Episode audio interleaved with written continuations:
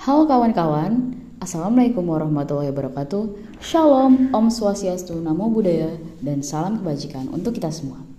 Selamat datang di podcast Red Station, podcast about popularized politics. Kali ini kita bakal bahas topik yang seru banget. Ngomong-ngomong tentang representasi politik oleh perempuan, Kalian tahu gak sih, ternyata keterwakilan perempuan tuh udah diatur loh dalam kebijakan affirmative action untuk memenuhi kuota sebanyak 30% dalam pencalonan anggota legislatif. Loh loh, tapi kok nggak pernah terpenuhi ya? Atau bahkan keterwakilan perempuan di legislatif cenderung naik turun. Nah, ayo kita bahas studi kasus keterwakilan perempuan di Partai Demokrat pada pemilu legislatif 2014 Sumatera Barat. Pada podcast kali ini aku bakal ngebahas tentang hasil dari penelitiannya Hanifah Muwahidah yang berjudul tentang representasi politik perempuan Partai Demokrat dalam pemilu legislatif 2014 di Sumatera Barat. Nah, ngomong-ngomong tentang representasi politik perempuan dalam perpolitikan di Indonesia, kita dapat melihat dalam partai politik di mana keterwakilan perempuan itu sudah diatur dalam kebijakan affirmative action yaitu keterwakilan 30% perempuan dalam partai. Partai Politik Demokrat, nah merupakan salah satu partai yang sudah memberikan keterwakilan perempuan sebanyak 30% pada pencalonan anggota legislatifnya. Akan tetapi, tetap saja pada hasil pileg tersebut perempuan tidak memenangkan satu kursi pun dalam DPRD Sumatera Barat tahun 2014. Loh, kok bisa? Nah, Tujuanku di sini untuk ngebahas ini, kita akan melihat bagaimana faktor-faktor apa saja sih yang mempengaruhi representasi politik perempuan dalam Partai Politik Demokrat di pemilu legislatif tahun 2014, terutama di Sumatera Barat.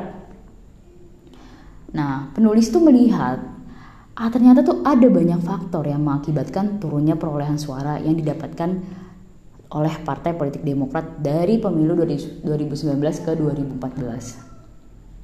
Faktornya yang pertama, itu ternyata turunnya elektabilitas Partai Politik Demokrat yang terjadi kenapa? Karena habisnya masa SBY dalam pencalonan presiden dan buruknya citra Partai Demokrat dikarenakan para kader-kader Partai Politik Demokrat di nasional terlibat kasus korupsi yang di mana hal tersebut berdampak pada kurangnya simpati masyarakat terhadap Partai Demokrat. Selanjutnya, tidak adanya perempuan yang diberikan nomor urut partai tinggi dalam dapil. Dan yang ketiga, kurang aktifnya perempuan dalam berkampanye serta kurangnya sosialisasi terhadap pemilu legislatif 2014. Begitu juga dengan sosialisasi terhadap caleg-caleg perempuan. Nah, seperti yang kita tahu kan ya, negara Indonesia itu kan bukan negara kesatuan dengan perwujudan bentuk negara demokrasi. Kalau kata Robert Dahl dalam perihal demokrasi, Nah, demokrasi adalah konsep sistem yang dapat mewadahi keinginan banyak orang terhadap sebuah tindakan dan pilihan. Itu pun tidak terlepas dari perlindungan hak-hak asasi manusia. Nah, demokrasi berdasarkan cara penyaluran kehendak rakyat itu merupakan sistem politik demokrasi yang dapat dibedakan menjadi tiga macam, yaitu demokrasi secara langsung, demokrasi perwakilan atau representatif yang sedang saat ini kita bahas, dan demokrasi perwakilan sistem referendum. Dalam UU nomor 2 tahun 2008 tentang partai politik, itu sudah disebutkan bahwa partai politik merupakan sarana partisipasi politik masyarakat dalam mengembangkan kehidupan demokrasi untuk menjunjung tinggi kebebasan yang bertanggung jawab. Dikutip dari jurnal Ruli Khairul Azwar tahun 2008 tentang pengembangan SDM partai politik, rekrutmen dan kaderisasi di Partai Golkar balik lagi kebijakan affirmative action itu banyak sebenarnya adalah banyak dilakukan pada masalah-masalah pendidikan, pembangunan, pemerintahan, pekerjaan maupun kesejahteraan sosial. Nah, affirmative action ini dimulai sebagai koreksi dari pemerintahan dan ketidakadilan sosial yang lampau terhadap sekelompok-kelompok orang. Seperti kelompok ini tuh biasanya dibedakan berdasarkan ras, gender, budaya, dan lain sebagainya. Dalam partai politik pun mempunyai kewajiban yaitu menurut affirmative action menyatakan bahwa setiap partai politik wajib mencalonkan minimal 30% keterwakilan perempuan dalam pemilihan legislatif.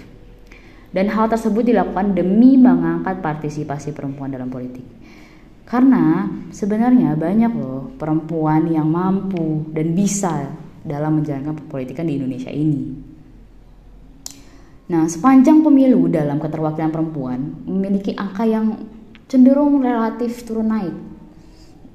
Keterwakilan politik perempuan pada pemilu legislatif di Sumatera Barat misalnya bisa dikatakan jauh mencapai kuota 30%. Nah, partai politik itu belum bisa sepenuhnya mencukupi kuota pencalonan keterwakilan perempuan. Jadi, eh, salah satu contohnya pada pemilu 2004, itu untuk keterwakilan perempuan di Legislatif 2004 Sumatera Barat memper, hanya memperoleh sebanyak 5 kursi untuk duduk di DPR di Sumatera Barat. Dan untuk uh, pemilihan legislatif 2009 itu hanya memperoleh sekitar 7 kursi dan ini naik dari tahun sebelumnya. Tapi di tahun 2014 uh, eh, hanya memperoleh sebanyak 6 kursi untuk duduk di DPRD Sumatera Barat. Nah, ini sumber ini didapatkan dari uh, eh, KPU Sumatera Barat. Sistem pemilu legislatif 2014 ini menggunakan sistem keperwakilan proporsional daftar terbuka, yaitu dengan mekanisme suara terbanyak.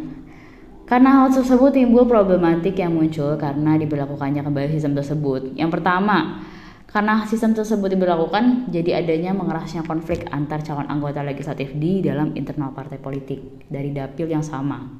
Jadi para caleg partai politik di dapil yang sama itu mereka saling bersaing untuk memperebutkan suara konstituen dengan berbagai cara. Salah satu cara juga membeli dukungan untuk dari para pemilih. Terus sistem pemilu yang telah berlaku sejak 2009 ini juga berdampak pada munculnya problematik yang kedua yaitu semakin intens serta masif politik uang yang dilakukan para caleg dalam rangka meraih dukungan sebesar-besarnya dalam pemilu legislatif 2014 yang lalu. Balik lagi ke kebijakan affirmative action. Sistem kuota 30% pada calon legislatif perempuan memang pada dasarnya telah berhasil diwujudkan pertama kali ke dalam Undang-Undang Nomor 12 Tahun 2003, yaitu tentang pemilu anggota DPR, DPRD, dan DPD. Berlanjut pada pemilu tahun 2019 yang tertuang dalam UU Nomor 10 Tahun 2008 dan kemudian di UU Nomor 8 Tahun 2012 tentang pemilihan umum anggota DPR, DPRD, dan DPD yang menjadi salah satu dasar penyelenggaraan pemilu tahun 2014 itu sendiri. Jadi, apabila partai politik peserta pemilu 2014 tidak dapat memenuhi kuota 30% keterwakilan perempuan tersebut di setiap tingkatan, maka partai politik tersebut dinyatakan tidak memenuhi persyaratan pengajuan bakal calon pada daerah pemilihan yang tidak memenuhi kuota. Jadi artinya daerah pemilihan suatu partai politik itu akan dihapuskan apabila tidak memenuhi kuota 30% keterwakilan perempuan. Walaupun ya, walaupun bakal calon lain partai politik dalam daerah pemilihan tersebut itu dinyatakan memenuhi persyaratan. Jadi konsekuensi dari kebijakan KPU ini lah yang akhirnya menimbulkan kontroversi tersendiri uh, aturan tentang kewajiban kuota 30% bagi caleg perempuan merupakan salah satu capaian penting dalam perjalanan demokrasi Indonesia pasca reformasi terutama.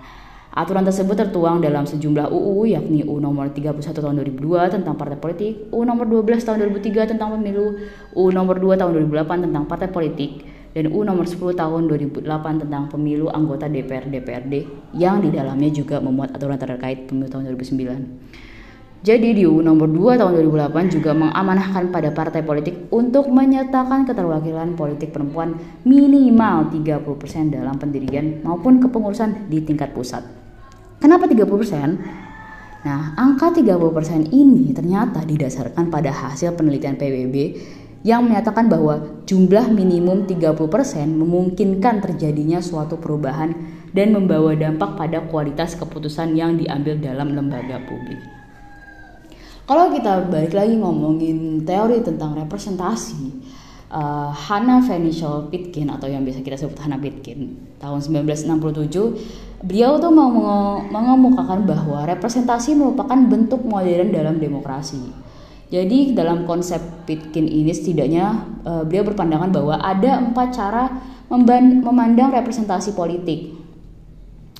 Yang pertama adanya perspektif formalistik, yaitu melihat bahwa representasi merupakan pemberian dan pemilikan kewenangan oleh wakil sebagai orang yang diberi kewenangan untuk bertindak. Jadi pandangan otoritas ini memusatkan pada formalitas hubungan dalam sebuah organisasi formal. Yang kedua ada representasi deskriptif yaitu seorang dapat berpikir dalam kerangka sebagai standing for segala sesuatu yang tidak ada. Jadi wakil tuh bisa berdiri demi orang lain yang diwakili. Yang ketiga, representasi simbolik, yaitu berarti merepresentasikan sesuatu yang bukan merepresentasikan fakta. Jadi ide person dapat direpresentasikan dan tidak dengan peta atau potret, tapi dengan simbol, dengan disimbolkan atau diwakili secara simbolik. Yang keempat representasi substantif, yaitu representasinya ide dan kepentingan perempuan dalam formal, formulasi kebijakan. Artinya representasi substantif ini ketika representator membawa kepentingan atau ide ke, membawanya ke dalam area kebijakan publik.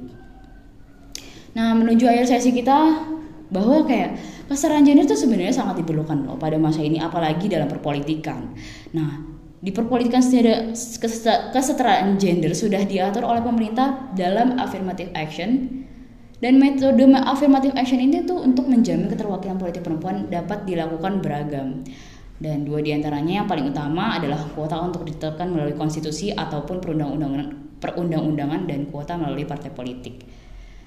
Nah, Representasi, representasi politik menurut Hannah Petkin, di mana yang tadi memberikan empat indikator yaitu formalistik, deskriptif, simbolik, dan substantif, itu melihat bagaimana perempuan part, di Partai Demokrat terutama yang juga menjadi calon legislatif pemilu tahun 2014, hal ini menjawab kegiatan perempuan dalam partai, kegiatan perempuan untuk gendernya, dan kegiatan perempuan untuk kesejahteraan masyarakat.